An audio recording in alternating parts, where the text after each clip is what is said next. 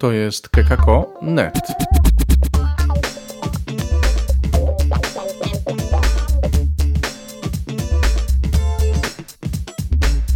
Słowo jak ogień. Chrystus zmartwychwstał. Witajcie.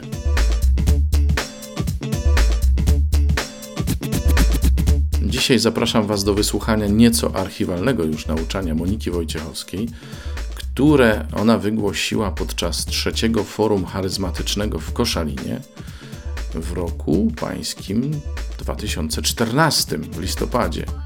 Więc jak widzicie, to już prawie 5 lat. Nauczanie się w ogóle nie zdezaktualizowało, bo jest o darach i charyzmatach. Zapraszam. Ewelina, bardzo Ci dziękuję. Ja Cię. Nie wiedziałam tych wszystkich rzeczy o sobie. Także ile to można się dowiedzieć na takim forum charyzmatycznym? Rzeczywiście to jest takie charyzmatyczne bardzo forum. dziękuję bardzo. Ja się bardzo cieszę, że możemy się podzielić naszą radością. Wy ze mną, a ja z Wami.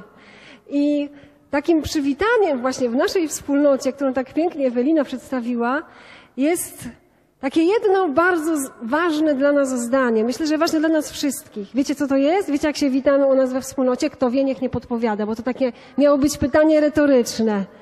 Chrystus zmartwychwstał. Bracie i siostro, chciałam Ci powiedzieć, że Chrystus zmartwychwstał. Że Chrystus żyje. Że jest tutaj obecny pośród nas. Żywy Pan, zwycięski. To znaczy, że możesz się z Nim dzisiaj spotkać że możesz go dzisiaj dotknąć, że możesz się dzisiaj nim napełnić, że możesz się dzisiaj rozradować Jego obecnością pośród nas. Nie tylko tutaj, także na co dzień, ale myślę, że ten czas jest czasem szczególnym. Jest czasem szczególnym, kiedy On się w sposób szczególny objawia pośród swojego ludu, bo jesteśmy tutaj zgromadzeni w czyje imię? W imię Jezusa. Jesteśmy tutaj w Jego imię, a tam, gdzie dwóch lub trzech, nas jest tutaj nieco więcej, tam On jest pośród nich w sposób szczególny. Tak już mu się spodobało. To jest Jego obietnica i będziemy ją przejmować w tym czasie w sposób szczególny. Czas najwyższy, czas najwyższy, jak mówi hasło tego forum. Czas najwyższy, żeby się rzeczywiście rozradować, uwierzyć w to, że zmartwychwstały, zwycięski jest pośród Ciebie, ludu Boży, jest pośród Ciebie, czyli zmartwychwstanie do Ciebie należy, do Ciebie należy. Ale, o tym już usłyszeliśmy troszeczkę wczoraj, wiecie już o tym, że czasami nie wystarczy spotkać tego zmartwychwstałego. Nie wystarczy spotkać zmartwychwstałego. Ten zmartwychwstały w dziejach apostolskich, zaraz na początku, do swoich apostołów, którzy go przecież zmartwychwstałym widzieli, spotkali go zmartwychwstałego.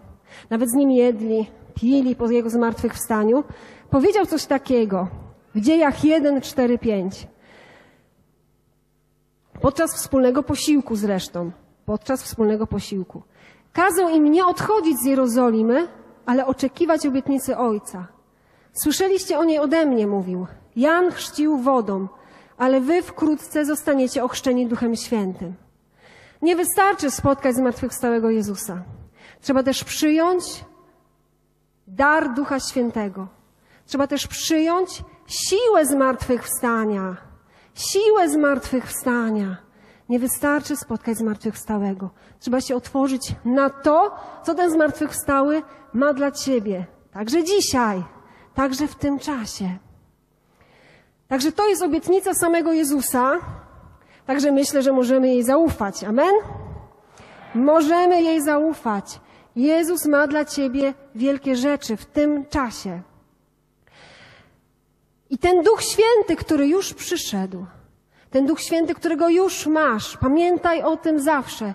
To jest właśnie Duch tego samego Jezusa, którego spotkałeś, mam nadzieję, w swoim życiu, ale Jezusa zmartwychwstałego. W liście do Rzymian, w ósmym rozdziale są takie słowa. A jeżeli mieszka w was duch tego, który Jezusa wskrzesił z martwych, to jest ciągle ten sam duch. To ten, co wskrzesił Chrystusa Jezusa z martwych przywróci do życia wasze śmiertelne ciała mocą mieszkającego w was swego ducha. Nie moją mocą, ani nie Twoją mocą, ale mocą mieszkającego w Tobie ducha, ducha zmartwychwstałego, tego samego ducha, który w tamtym czasie, dwa tysiące lat temu, skrzesił martwe ciało Jezusa do życia.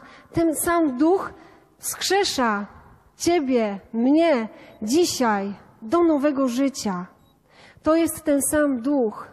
Dlatego możliwe jest rzeczywiście nowe życie w zmartwychwstałym, nowe stworzenie w zmartwychwstałym. Po czym można poznać taką osobę, która rzeczywiście doświadczyła takiego powstania z martwych razem z Jezusem dzięki sile Ducha Świętego? Po czym można poznać taką osobę? Pewnie powiecie mi po radości, po uśmiechu, nie wiem, po odwadze. Pewnie, że tak. Ale wiecie po czym też w sposób szczególny? Po tym, jak myśli, jaką ma mentalność. Bo mentalność zmartwychwstałego to jest mentalność przegrana. Takich trochę nieudaczników życiowych. E, nic mi się nie uda raczej, przecież jestem słaby. Jestem takim grzesznikiem wielkim, że raczej nie powinienem się za nic zabierać. Tak? Taka jest mentalność zmartwychwstałego? Nie, to jest mentalność zwycięska. To jest mentalność biblijna, mentalność Słowa Bożego, to znaczy mentalność zwycięska. Wiecie, po czym poznać kogoś, kto nie tylko spotkał zmartwychwstałego w swoim życiu, ale też przyjął od niego siłę, moc Ducha Świętego, po tym, że zaczyna robić rzeczy, których wcześniej by nie zrobił. Po tym, że zaczyna robić rzeczy, których wcześniej by się być może bał zrobić, nie miał ochoty ich zrobić, które by go przerastały. Po tym poznasz osobę, która rzeczywiście nie tylko spotkała, ale też przyjęła moc, moc z wysoka. Także kiedy przyjmujesz Jezusa zmartwychwstałego do swojego życia, kiedy przyjmujesz także Jego ducha, ducha Chrystusa zmartwychwstałego do swojego życia, to dzieje się też to, o czym zaczęliśmy mówić wczoraj. To znaczy, w centrum Twojego życia, przykro mi to stwierdzić, ale już przestajesz być Ty czy ja, nawet nasze problemy, nawet nasze słabości, ale w centrum naszego życia staje, pewnie staje On, ale też z tym, co ma dla Ciebie i dla mnie, ze swoim zadaniem, ze swoją misją. Rzucasz się w to, co On przygotował dla Twojego życia. To świetnie widać po tym, co przydarzyło się apostołom, którzy byli zamknięci w wieczerniku, przecież już po spotkaniu zmartwychwstałego, zamknięci ze strachu przed Żydami, ze strachu przed prześladowaniem, ze strachu o swoje życie, ze strachu o to, że stracą twarz, że ktoś ich wykluczy z synagogi i tak dalej, i tak dalej. Kiedy przyszedł duch zmartwychwstałego, kiedy ogień stąpił na nich, co się stało? Nagle te problemy, które wcześniej trzymały ich w zamknięciu, przestały być problemami. Nagle wyszli i z odwagą co zaczęli robić? Co zaczęli robić? Przeszli od spotkania ze zmartwychwstałym do świadczenia o zmartwychwstałym. Ze spotkania z Jezusem do mówienia o tym Jezusie, którego spotkali. Nagle przestali być w centrum oni, ich doświadczenie, to y, czym żyli oni y, jako ci pełni strachu, zamknięci w wieczerniku, y, pełni różnych obaw, ale w centrum stała się misja. W centrum stała się misja, którą otrzymali od Ducha Świętego. I poszli. Jeżeli poszli, jeżeli Duch Święty rzeczywiście ich wypchnął, dowodem tego jest to, że Ty i ja jesteśmy tutaj dzisiaj. Amen. Dzięki tej odwadze, dzięki tej mocy, Ty i ja jesteśmy dzisiaj tutaj. Ta sama siła i ta sama moc działa także dzisiaj. Działa także dzisiaj. Ta sama siła, ta sama moc jest dla Ciebie, jest dla mnie dzisiaj. To jest moc zmartwychwstałego, siła zmartwychwstałego. Także nie będziemy dzisiaj mówić tyle o poszczególnych charyzmatach, poszczególnych darach, ale to, co chciałabym, żeby nam zostało, to to, czym powinno stać się, czym ma być dla nas doświadczenie charyzmatyczne. O tym była już wczorajsza konferencja. Pierwsza, pierwszy element, pierwsza rzecz to jest wylanie Ducha Świętego, moja pięćdziesiątnica, moja relacja osobista z Duchem Świętym. To jest fundament mojego życia charyzmatycznego. To jest ta siła, której nie można się oprzeć, która przychodzi i przemienia moje serce, która pozwala mi iść za Jezusem. Bo wiecie, my tak naprawdę idziemy za Jezusem, dlatego że doświadczyliśmy dotknięcia Ducha Świętego. Czasami ktoś mówi, idę za Jezusem, żeby się przemienić, żeby doznać przemiany, żeby doświadczyć tego czy tamtego. Ja ci powiem dzisiaj, zmień trochę swoje myślenie. Pomyśl sobie, idę za Jezusem, bo Duch Święty już mnie dotknął. Bo już moje serce jest przemienione. Gdyby nie to, ja nie szłabym za Jezusem. Jeżeli idę za Jezusem, to tylko dzięki Duchowi Świętemu. I Słowo Boże mówi jasno, nikt nie może powiedzieć, że Jezus jest Panem bez Ducha Świętego. Dlatego jeżeli idziemy za Jezusem, to dlatego, że Duch Święty jest w Tobie i we mnie, jest pośród swojego ludu. To On nas popycha. To jest ta siła, która dotyczy naszego bycia, naszego bycia chrześcijanami. A charyzmaty i dary, o których, na którym mamy się dzisiaj pochylić, to jest ta siła, która nas popycha do, uwaga, do czego?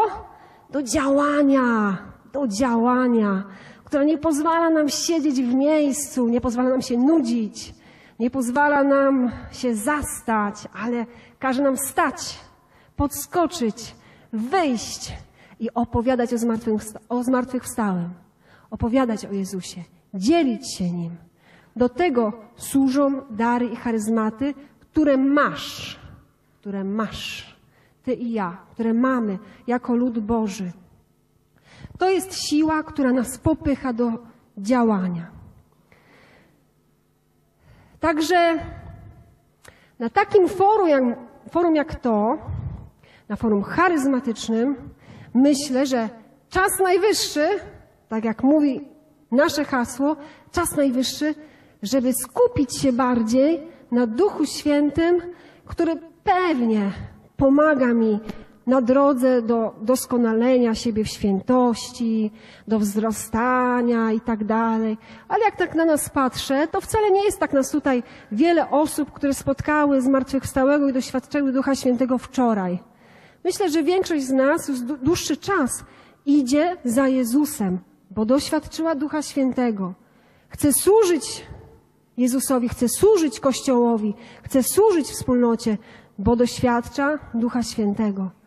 Dlatego dzisiaj pochylmy się nad tym Duchem Świętym, który nas obdarowuje po to, żebyśmy mogli służyć, po to, żebyśmy mogli dawać innym, po to, żebyśmy potrafili oddać życie za misję, za zadanie, za tych wszystkich, którzy są daleko od Niego, którzy Go nie doświadczają.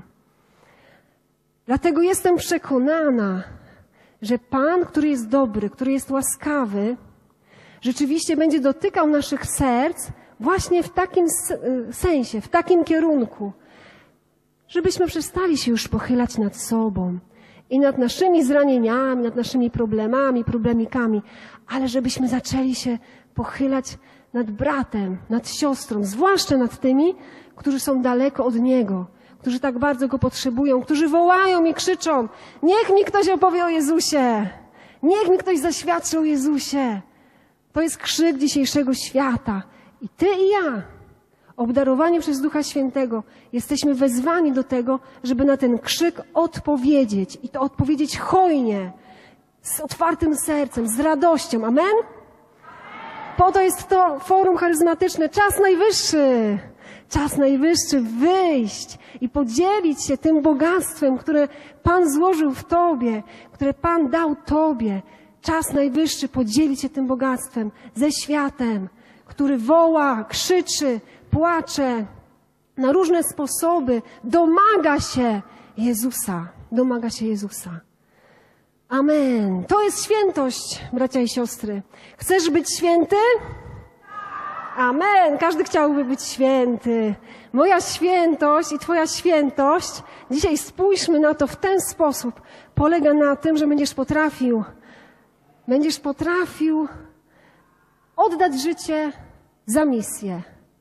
Będziesz potrafił rzeczywiście oddać życie za to zadanie, które Duch Święty złożył w Twoim sercu. A to jest jedno, jedyne zadanie. Ogłosić światu, że Jezus żyje, że Jezus żyje. To jest Twoja i moja świętość. Czas najwyższy, bracia i siostry, na taką świętość w naszym życiu, która się nie ogląda nawet na nasze słabości, nawet na nasze upadki, nawet na nasz grzech. Ale świętość, która potrafi pomimo tego wszystkiego wyjść, zbliżyć się do tych, którzy są najbardziej potrzebujący, którzy są biedni którzy potrzebują dzisiaj żywego Jezusa. Żywego Jezusa. Bóg chce się Tobą posłużyć. Pan potrzebuje Ciebie, takiego jakim jesteś, takiego jakim jesteś dzisiaj. Dlatego nie czekaj, ale wyjdź, otwórz usta, bo jesteś obdarowany, jesteś obdarowany darami i charyzmatami. No właśnie, dla kogo są te charyzmaty? Dla kogo są te dary? Kilka przykładów biblijnych. Już w Starym Testamencie jest kilka takich bardzo ciekawych osób, które zostały przez Boga obdarowane w sposób szczególny. Właśnie po to, żeby wypełnić jakąś misję, jakąś misję, żeby uczynić coś dobrego dla Izraela, żeby uratować lud Boży, lud Pana. Taką ciekawą, ja wybrałam trzy postaci tylko. To są postacie z e, Księgi Sędziów. One są dosyć specyficzne, mi się bardzo podobają i bardzo lubię czytać te historie. Pierwsza to jest historia Gedeona z Księgi Sędziów z szóstego rozdziału. Możecie sobie później otworzyć, przeczytać, sprawdzić, czy rzeczywiście tak było w jego życiu. Gedeon to była osoba, którą Pan powołał i która się strasznie wzbraniała przed tym powołaniem. Bo mówił, że jego rodzina to najmniejsza rodzina z pokolenia Manassesa, a on jeszcze w dodatku w tej rodzinie jest najbiedniejszy, najmniejszy, najmłodszy, ostatni i w ogóle on to się do niczego nie nadaje. On jest słaby. Jego wiara jest mniejsza niż ziarnko gorczycy, dzisiaj byśmy powiedzieli. I raczej, jeśli chodzi o niego, to żeby Pan na niego nie liczył. Żeby Pan na niego nie liczył. Ale co się stało? Czytamy w Słowie Bożym, duch Pana go ogarnął. Duch Pana ogarnął Gedeona. I tak jakby Pan mu chciał powiedzieć, Gedeonie, słuchaj, tworze jesteś słaby, to ja wiem lepiej od ciebie. I myślę, że to jest to, co Pan mówi dzisiaj do wielu z nas. To, że Ty jesteś słaby, jaki Ty jesteś, jakie są Twoje wady, jaka jest Twoja historia. Ja wiem lepiej od Ciebie, ale ja chcę się Tobą posłużyć, takim, jakim jesteś. Dla mnie jesteś super. Mi to nie przeszkadza, wiesz? Mi nie przeszkadza, że upadasz. Mi to nie przeszkadza. Ja chcę Ciebie takim właśnie, jakim jesteś dzisiaj, teraz. Takiego Cię pragnę, takiego, takim chcę się Tobą posłużyć. I to był Gedeon. Jego słabość Panu nie przeszkodziła i on pokonał Madianitów i wyzwolił Izraela z garstką 300 osób. To jest bardzo fajna historia. On chciał oczywiście wziąć ze sobą o wiele więcej żołnierzy, ale Pan mu zabronił, żeby mu udowodnić, że nie jego siłą, że nie jego mocą, nie jego brawurą i odwagą, ale mocą Pana dokonuje się zwycięstwo. Mocą Pana. Amen? Amen. To jest dobra nowina. Możesz się uśmiechnąć, możesz się ucieszyć, bo nie Twoją mocą, ale mocą Pana dokonuje się zwycięstwo. Duch Święty obdarowuje Ciebie swoimi darami, swoimi charyzmatami, pomimo Twoich słabości. Pomimo Twoich słabości. Bo On jest mocny bo On jest mocny. To On zwycięża. To do Niego zwycięstwo należy. A więc to jest pierwsza postać. Taki trochę, powiedziałabym, lekko tchórzliwy, o niewielkiej wierze i zaufaniu wobec Boga. To jest ten, o jeżeli dobrze pamiętacie, który co chwilę prosił Pana Boga w ogóle o znak. Runo, że ma być mokre, raz ma być suche, raz coś tam. Po prostu już wymyślał niestworzone historie, żeby tylko nie przyjąć tej misji. Żeby tylko nie musieć tego robić. Żeby być już takim pewnym na 100%, że to Pan go powołał i że to Pan chce od tego od niego. Odnajdujesz się czasami w takim podejściu? Panie, to chyba nie ty, na pewno to nie ty do mnie mówisz, niemożliwe przecież. Przecież ja jestem ostatni z tej rodziny, ostatni z tego rogu, jestem najbiedniejszy. No dobrze, jeżeli to ty, to to, to, to, to i to.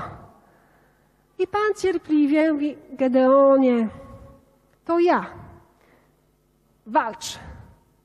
Walcz. I on poszedł i zwyciężył. I to jest historia i koniec historii ka- każdego, kto, kto pozwoli się ogarnąć przez ducha Pana. Kto pozwoli się ogarnąć i przeniknąć przez ducha Pana. Druga postać to Jeftę. Też z e, Księgi Sędziów, z 11 rozdziału, można sobie nim przeczytać. To jest zupełnie inna osoba niż Gedeon. Jefte to z kolei był syn e, Gileada i nierządnicy. Osoba, którą rodzeni bracia od strony ojca wyrzucili z domu, ponieważ prawowita żona Gileada urodziła mu synów. I ci jak dorośli powiedzieli, słuchaj Jefte, ty nie masz prawa do dziedziczenia razem z nami, won z domu, ty bękarcie, odrzutku. Nie masz prawa być tutaj z nami w tej rodzinie. Nie masz prawa do niczego. Nie masz prawa do niczego. Won. I on musiał odejść. Wyobraźcie sobie, jakie zranienie. Wyobraź sobie, co za zranienie, jak musiał się czuć ten człowiek, ten mężczyzna. Co musiał przeżyć? Odrzucenie przez własną rodzinę, przez braci. To była hańba w Izraelu w tamtym czasie. Syn nierządnicy, prostytut, prostytutki z nieprawego łoża.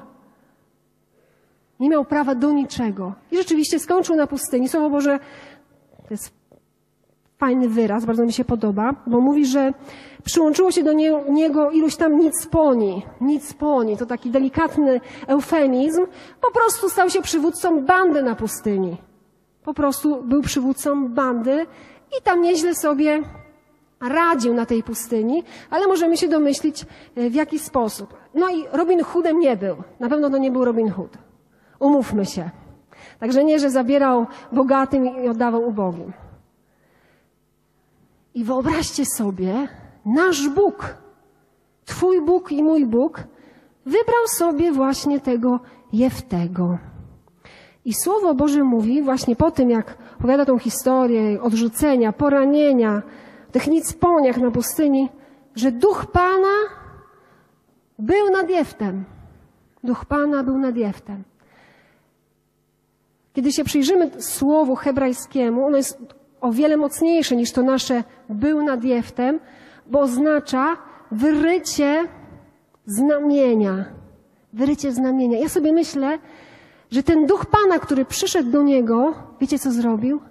Zranił jego serce w pewien sposób. Zranił jego serce raną, która okazała się dużo głębsza niż te wszystkie zranienia, niż te wszystkie rany, które przeżył do tej pory. Naznaczył go na zawsze i uczynił go swoim. Takiego nicponia, poranionego, odrzuconego przez innych. Wziął sobie Pan, ale nie wziął go sobie po to, żeby go głaskać po głowie, uzdrawiać, przytulać i spoczynek w duchu jeden i drugi i trzeci. Nie. Wiesz, po co go sobie wziął? Ty będziesz uzdrawiał innych, uwalniał innych, pomagał innym, goił rany innych. Po to Duch Święty przyszedł do Jeftego, był nad Jeftem. Dlatego pamiętaj, że ludzkie zranienia, że Twoje zranienia, Twoja przeszłość też nie są przeszkodą dla Ducha Świętego. Co więcej, Duch Święty może się nimi posłużyć. On przychodzi goić wszelką ranę. Wyciska takie znamie, które będzie silniejsze, które będzie wołać mocniej niż jakiekolwiek ludzkie odrzucenie. I to będzie tak piękne znamie, tak mocne znamie, że On będzie się Tobą posługiwał dla dobra Twoich braci, dla dobra Twoich sióstr, dla dobra tych, do których Cię pośle, których postawi na Twojej drodze. Trzecia postać to Samson, też z Księgi Sędziów. Zupełnie znowuż inny przypadek, bo to był taki syn obietnicy bezpłodnego małżeństwa. Wiecie, że w Izraelu to była hańba nie mieć dzieci, zupełnie inaczej niż dzisiaj w świecie. Wtedy to była hańba, także dziecko było naprawdę widziane jako błogosławieństwo Boże. Ta rodzina dzieci nie miała, ale Pan obiecał i wypełnił tę obietnicę. Narodził się mały Samsonek. Można sobie wyobrazić, że taki mały Samsonek, no to było oczko w głowie mamusi i tatusia. Myślę, że wyrósł na takiego lekkiego mamin synka. Y, chuchano i dmuchano na niego, on był poświęcony Panu od samego, y, mm, od najmłodszych lat. Było już wiadomo, jakie jest jego przeznaczenie, służba Bogu, y, od razu do seminarium, już zapisany jeszcze w przedszkolu. Po prostu wiadomo było, jaka będzie jego przyszłość. Ale co się stało z tym Samsonkiem? Wiecie, co się stało z tym synem obietnicy? Słowo Boże mówi, duch Pana począł na niego oddziaływać w obozie Dana między Sorea a Esztaol. Duch Pana zaczął na niego oddziaływać, oddział, oddziaływać. I znowuż ten język polski to tak delikatnie oddaje to słowo oddziaływać. Co to znaczy oddziaływać? Wiecie co? Temu troszkę takiemu mamin synkowi, który wszystko już miał tak ładnie poukładane w życiu, którego całe życie było w szufladkach już tam skatalogowane, było wiadomo, co będzie robił jutro, pojutrze, co będzie robił za, za rok, za pięć lat.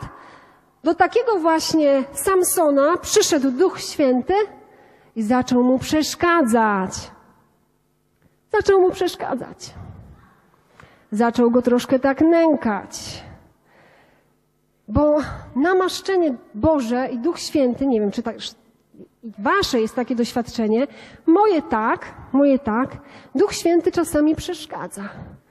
Ty miałbyś tak ochotę sobie nieraz już usiąść, odpocząć, zanurzyć się w jakąś pobożną lekturę, obejrzeć jakiś niezobowiązujący film, prowadzić spokojne życie. To są takie tylko metafory tego, co byśmy chcieli, jakbyśmy sobie wyobrażali nasze życie.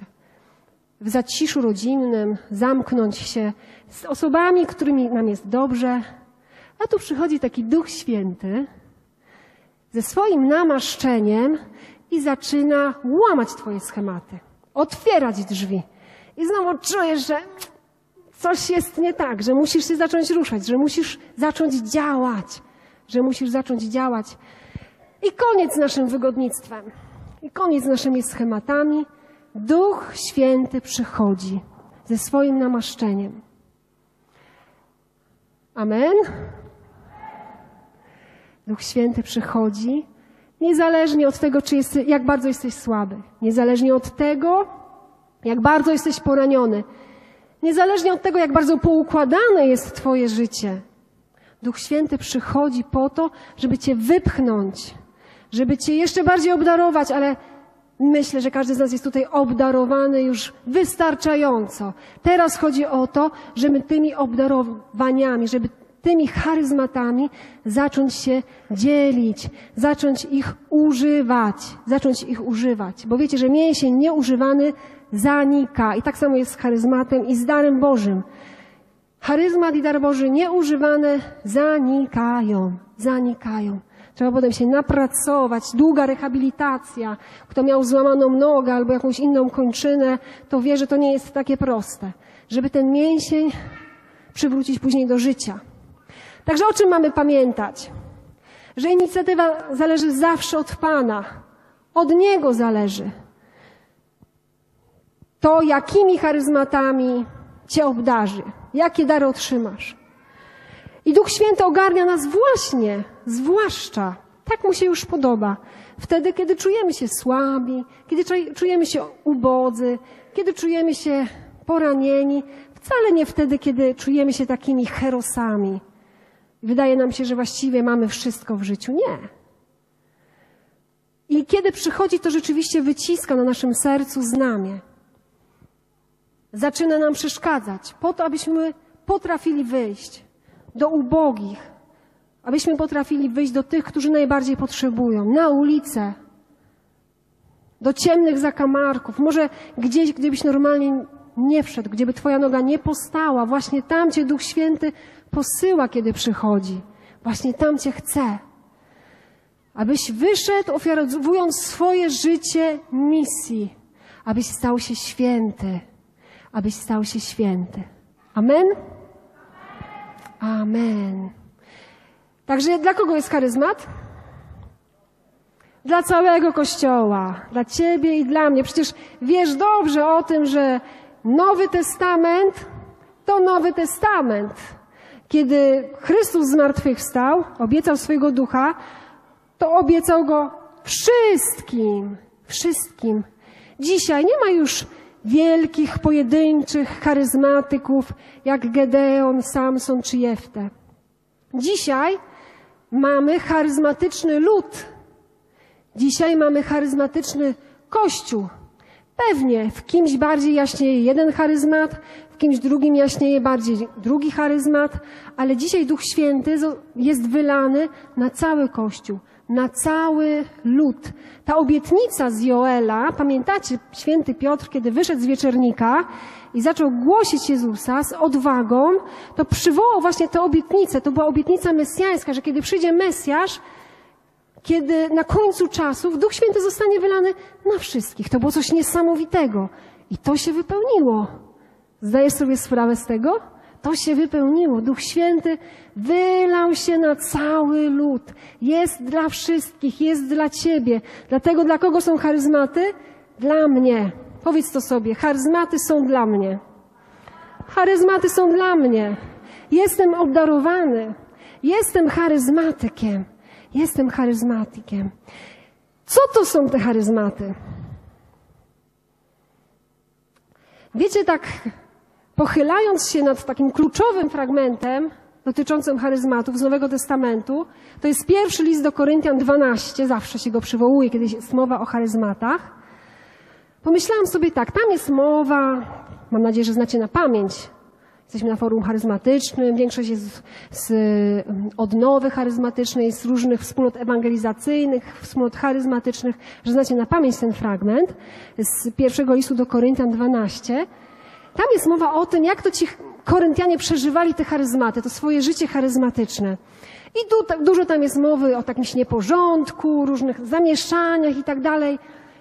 Święty Paweł nie próbuje uprawiać teologii charyzmatów, próbuje jakoś tam je uporządkować, ale to nie jest jakaś definitywna, dogmatyczna klasyfikacja. On po prostu, jak dobry pasterz, próbuje wyjaśnić Koryntianom, co to się dzieje, co przeżywają, nazwać to, usystematyzować w miarę, na ile się da i dać pewne wskazówki, jak się tymi charyzmatami posługiwać. I to było oczywiste w tamtych czasach, że charyzmaty są.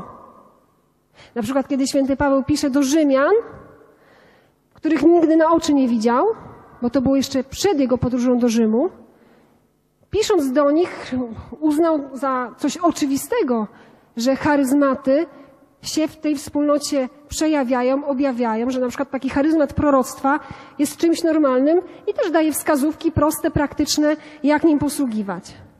Że kiedyś charyzmaty były czymś naturalnym, czymś normalnym, czymś na porządku dziennym, były normalnym objawem obecności Ducha Świętego w swoim kościele, w swojej wspólnocie.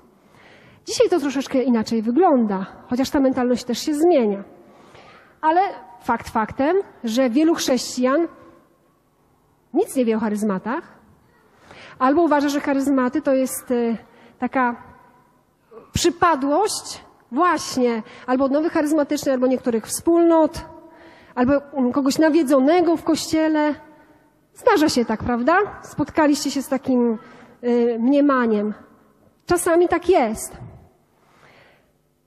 Ale to się zmienia. Dla mnie bardziej zastanawiające stało się coś innego, kiedy czytałam ten fragment po raz kolejny jak my, jako osoby, które tych charyzmatów doświadczają w naszych wspólnotach, w naszych środowiskach, jak my nimi żyjemy, jak my nimi posługujemy. Wiecie, kiedyś problemem było to nieuporządkowanie, taki chaos charyzmatyczny, trochę rywalizacji, takie ludzkie małe niedoskonałości, które wychodziły na jaw w tej wspólnocie, w tym kościele. A ja sobie my, myślałam, kiedy czytałam, czy u nas już to za bardzo wszystko nie jest takie właśnie zauporządkowane. My się tak bardzo boimy, że nie będzie uporządkowane, tak bardzo się boimy, żeby był ten porządek tylko, że czasami te charyzmaty gdzieś zamiatamy pod dywan. Boimy się ich troszkę. Myślę, że czas najwyższy, że czas najwyższy, żeby przestać się tych charyzmatów lękać, bać. Bo czym są? Przede wszystkim charyzmat to jest hojny dar. Hojny dar. Hojny dar kogo? Kogo? Hojny dar Boga, który jest hojny, który jest obfity, który jest przeobfity, który wylewa tę obfitość na swój lud. I Paweł używa właśnie takiego słowa w tym liście do Koryntian. Charizma, łaska, życzliwość, hojność, obfitość to jest charyzmat. To jest obfitość Boża, która się wylewa na, na Jego lud. Dlatego wydaje mi się, że tak powinniśmy posługiwać charyzmatami. W taki sposób, aby ukazywały właśnie hojność Bożą, szczodrobliwość Pana. Charyzma to też przejaw po prostu obecności Ducha Świętego. W pierwszym liście do Koryntian, wspomnianym, w dwunastym rozdziale, w drugim wersecie są takie słowa. Wiecie, że gdyście byli poganami, ciągnęło was nieodparcie ku niemym bożkom. Ciągnęło was nieodparcie ku niemym bożkom.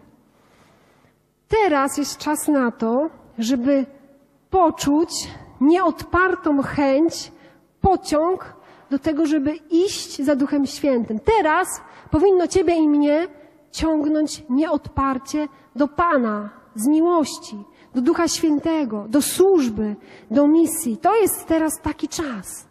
Taki czas. To jest właśnie charyzmat. Taka siła, która pociąga, która ciągnie. Tak jak e, wcześniej Koryntianie byli pociągnięci ku niemu bożkom. Dlaczego? Wiecie dlaczego? Dlatego, że w tych kultach pogańskich zaangażowane było całe ciało, cały człowiek. Pewnie serce, rozum, usta, ale też całe ciało. I święty Paweł o tym bardzo dobrze wiedział. I bardzo duży akcent kładł na to, żeby teraz tym, co będzie władało nad ciałami Koryntian, nad ciałami chrześcijan, nad ich życiem, żeby to był Duch Święty. Także, kiedy czujesz się pociągnięty przez Ducha Świętego, to nie bój się rzeczywiście używać swojego ciała, tak jak staramy się modlić. Nie tylko serca, nie tylko duszy, ale też ust, głosu, rąk, nóg. Każdy tak, jak potrafi, w wolności, bo cały jesteś Pana. Cały należysz do Pana i całego Cię Duch Święty pociąga. Całego Cię Duch Święty pociąga. I nie bój się, że to pociąga Cię ktoś inny albo coś innego, że Twoje ciało, albo Twoja psychika, albo Twoja wyobraźnia. Trochę więcej zaufania do tego Ducha Świętego, żebyśmy się przestali bać, żebyśmy się przestali bać, że to nie Duch Święty. Duch Święty jest obecny pośród swojego ludu. Troszkę więcej zaufania do tego Ducha Świętego. Także charyzmat to hojny dar. Charyzmat to przejaw obecności Ducha Świętego. I charyzmat to też odpowiedź Boga na konkretną potrzebę. Na konkretną potrzebę. Jest jakaś potrzeba we Twojej wspólnocie, w Twojej grupie, w Twoim życiu osobistym, w Twojej rodzinie. Bóg na tę potrzebę odpowiada. Bóg jest skuteczny, Bóg działa. Bóg jest Bogiem konkretów, przychodzi z konkretną odpowiedzią. I charyzmat jest właśnie jedną z takich konkretnych odpowiedzi Boga na to, czym właśnie żyje Twoja wspólnota, na to, czego Twoja wspólnota potrzebuje, czego Ty potrzebujesz dzisiaj. To jest charyzmat, odpowiedź Boga na tę niszę, na tę potrzebę, na to wołanie, które dzisiaj, aktualnie wychodzi z Twoich ust, czy, czy z Twojej wspólnoty, z Twojej grupy, z Twojej rodziny. To jest właśnie życie charyzmatyczne, słuchajcie. Co to jest życie charyzmatyczne? Wiesz, co to jest?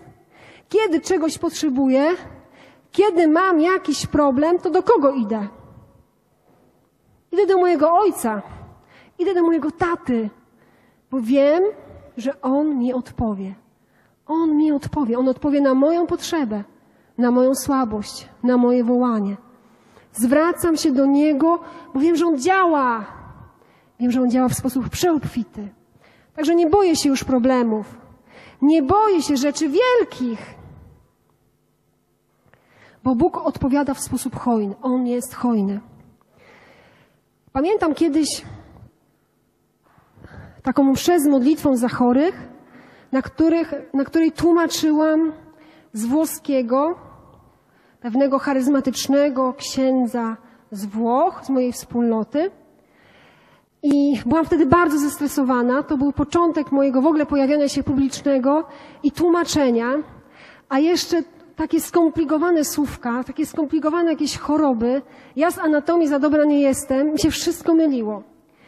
I pamiętam, że miałam straszne wyrzuty sumienia, bo kiedy padło takie słowo poznania, że Pan uzdrawia pewną kobietę, przepraszam tutaj, że takie wyciągam, ale że Pan uzdrawia pewną kobietę z mm, nowotworu macicy, to ja powiedziałam, że z nowotworu piersi. I akurat mi się tak pomyliły, wszystko mi się pokręciło. I potem miałam takie wyrzuty z sumienia i mi się wydawało, Panie Jezu, i co teraz będzie, nie? I czy to uzdrowienie, e, w którym miejscu nastąpi? Wiecie, co się okazało? To było dla mnie takie pocieszające, że najpierw wyszło na jaw po jakimś czasie świadectwo kobiety, która została uzdrowiona z tego, co ja powiedziałam, czyli z raka piersi. Powiedziałam, chwała Ci Panie, dzięki Ci, że Ty się takimi osłami nawet potrafisz posługiwać.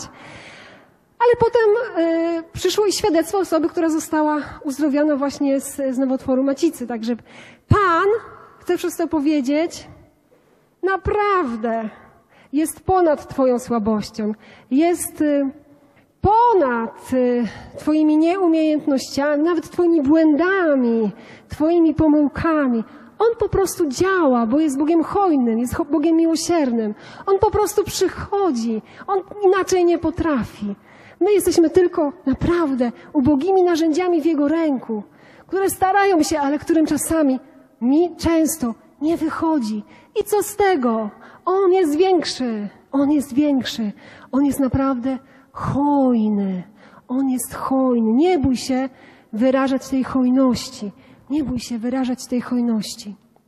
Pana. Po co są charyzmaty?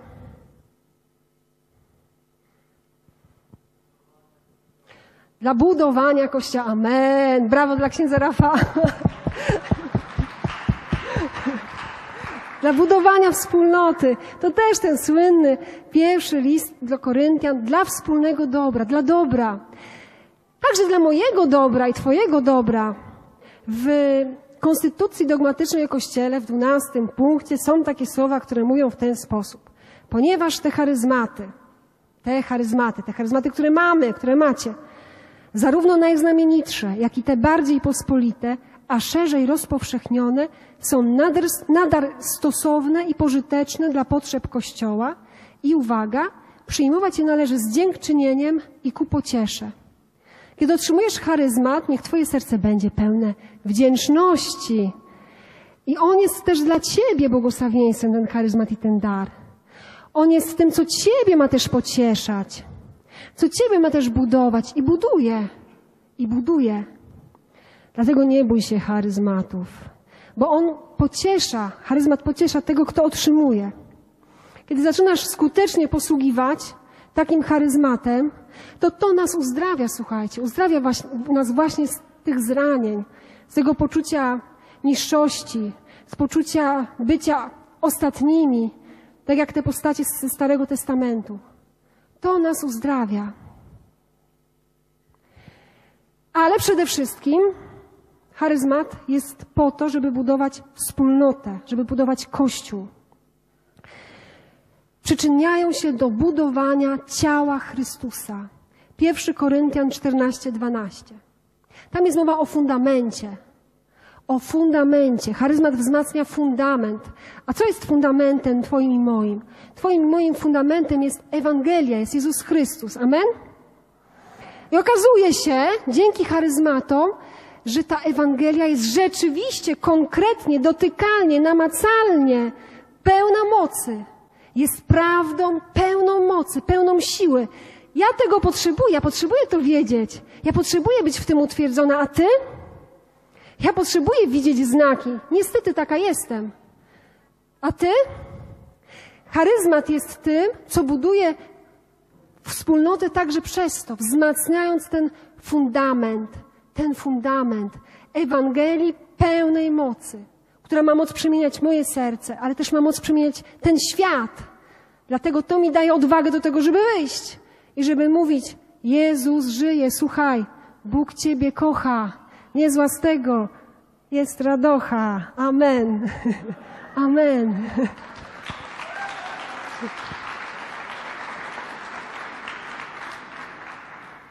Także charyzmaty umacniają wiarę, wzmacniają moje zaufanie do Pana, wzmacniają moje kroczenie za Nim. Po prostu w ten sposób budują to ciało Chrystusa. W ten sposób są ku zbudowaniu, bo pocieszają, bo umacniają, bo żywią zaufanie wobec Boga.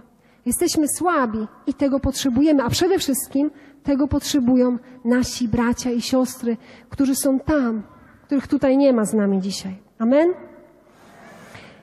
Pierwszy list do Koryntian 2,4. Święty Paweł mówi tak. A mowa moja i moje głoszenie nauki nie miały nic z uwodzących przekonywaniem słów mądrości, lecz były ukazywaniem ducha i mocy. Były ukazywaniem ducha i mocy. Nic z uwodzących słów, mądrości, jakiejś argumentacji, przekonywania, po prostu moc i duch. I tego dzisiaj potrzebuje Kościół. Tego potrzebuje dzisiaj wspólnota Kościoła. Teologii potrzebuje też, oczywiście. Ale kiedy wychodzimy na ulicę, to nie wychodzimy na ulicę z teologią, tylko z duchem i z mocą. Z duchem i z mocą. Dlatego, nawet jak nie jesteś teologiem, to możesz wyjść na ulicę.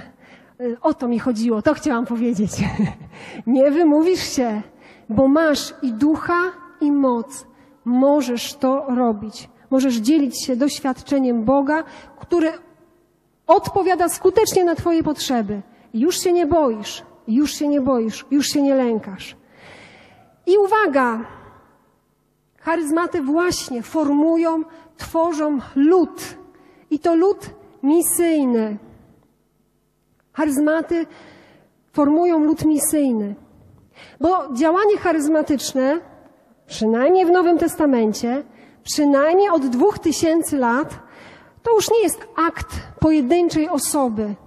To już nie jest akt pojedynczego charyzmatyka, ale to jest działanie całego Kościoła. To jest działanie całej wspólnoty. A zadaniem Kościoła jest właśnie ewangelizacja. Na różne sposoby, na tysiące sposobów, ale to zadanie można by streścić tym jednym słowem. Ewangelizacja. Ewangelizacja. I do tego potrzebny jest nie charyzmatyk, jeden, drugi, trzeci, nawet 3568, ale do tego potrzebny jest lud charyzmatyczny.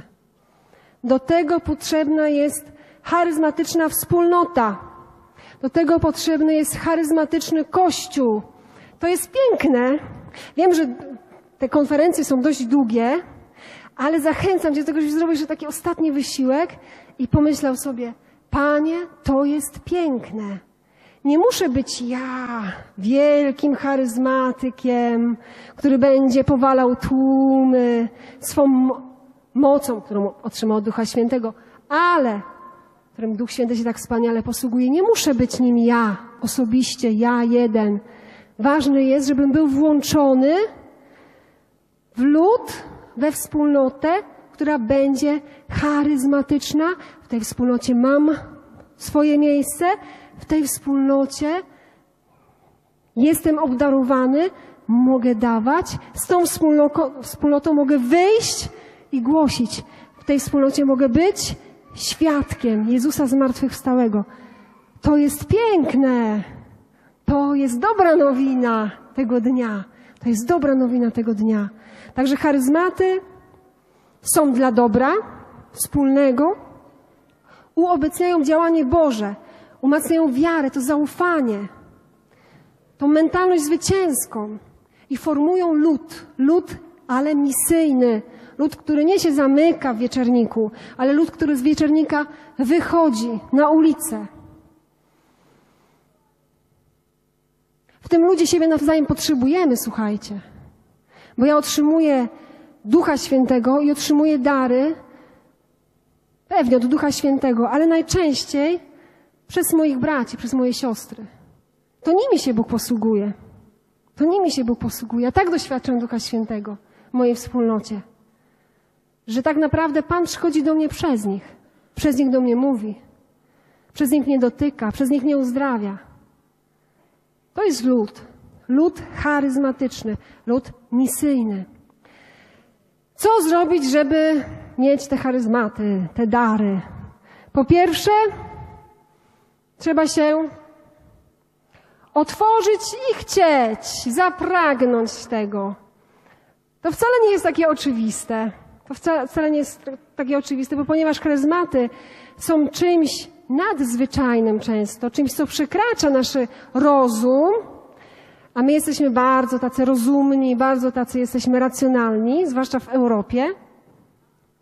A my jesteśmy w Europie i jesteśmy dziećmi Europy.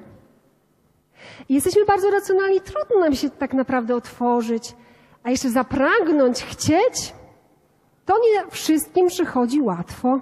No chyba, że ktoś chciałby być takim właśnie wielkim charyzmatykiem, stanąć na scenie i powalać tłumy, no to może dlatego chciałby tych, tych charyzmatów.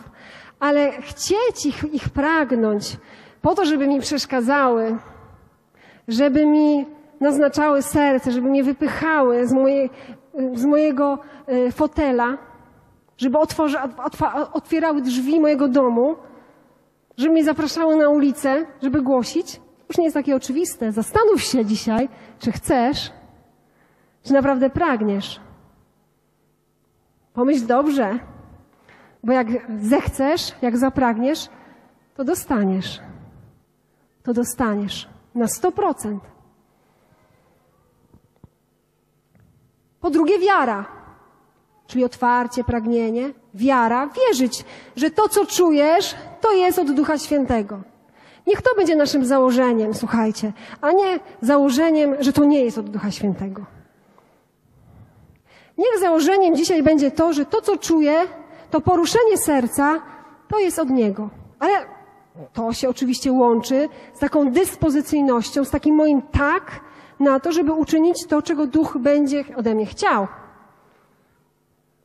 Dyspozycyjność, aby uczynić to, czego Duch będzie chciał właśnie ode mnie, takiego jakim jestem.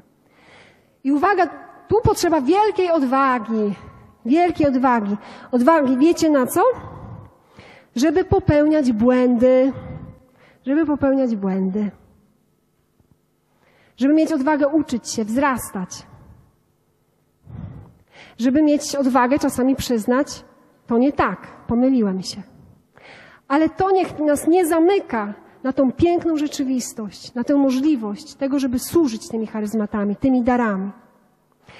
I to, co musi zawsze zwyciężać w naszych sercach, w naszych wspólnotach, w naszych relacjach, to jest pierwszy list do Koryntian 13. Co to jest? Hymno miłości. To jest miłość, słuchajcie. Nie przez przypadek między 12 rozdziałem a 14 rozdziałem, które mówią o charyzmatach, o darach, jest rozdział 13, który mówi o tym charyzmacie charyzmatów, czyli o miłości.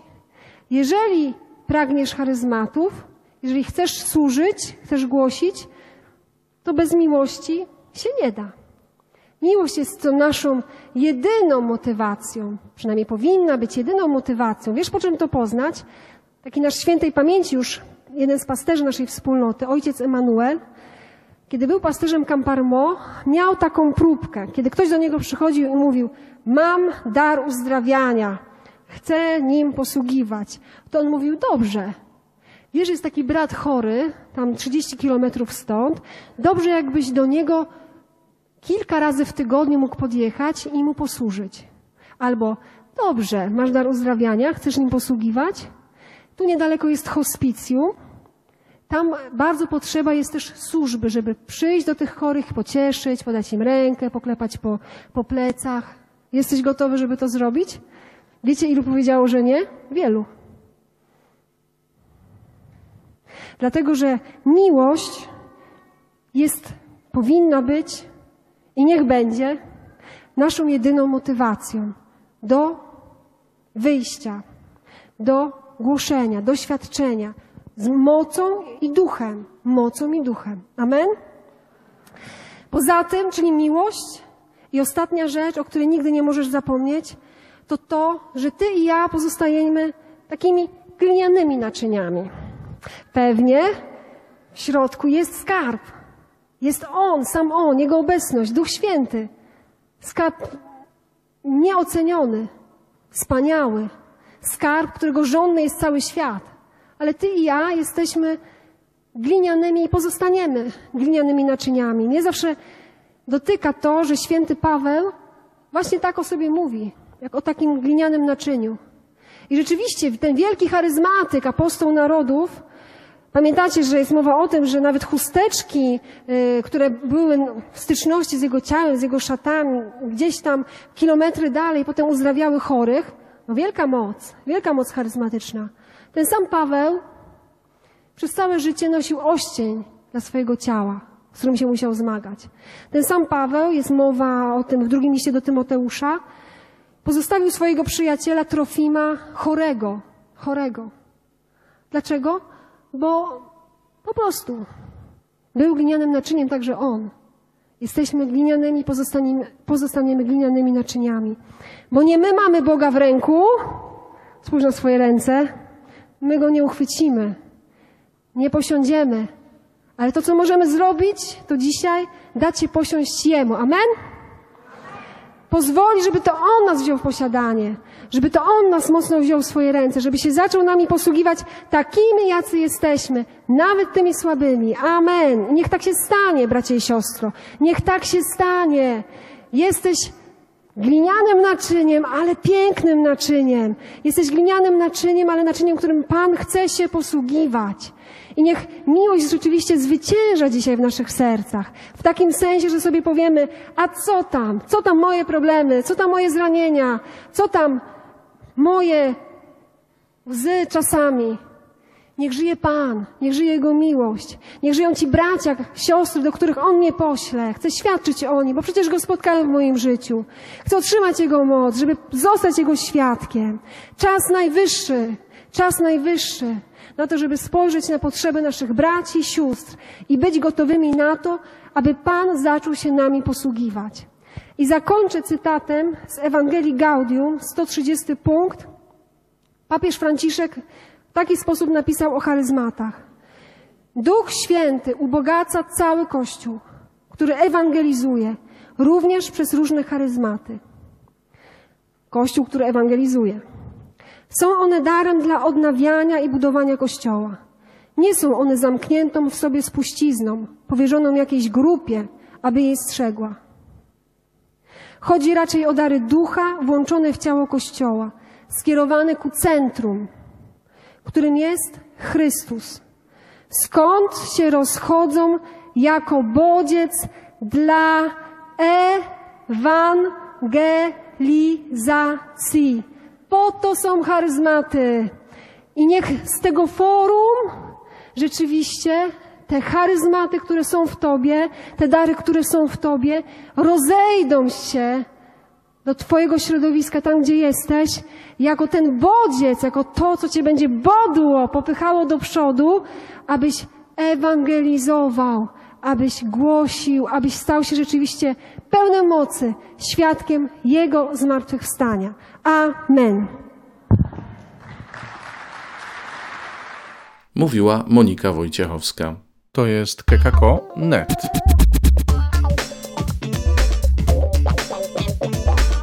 Pamiętajcie, że zawsze możecie się z nami kontaktować pisząc na adres redakcja małpa.kekako.net. Subskrybujcie koniecznie nasz podcast, żebyście nie przegapili żadnej audycji. Tymczasem do usłyszenia i dziękujemy, że nas przyjęliście.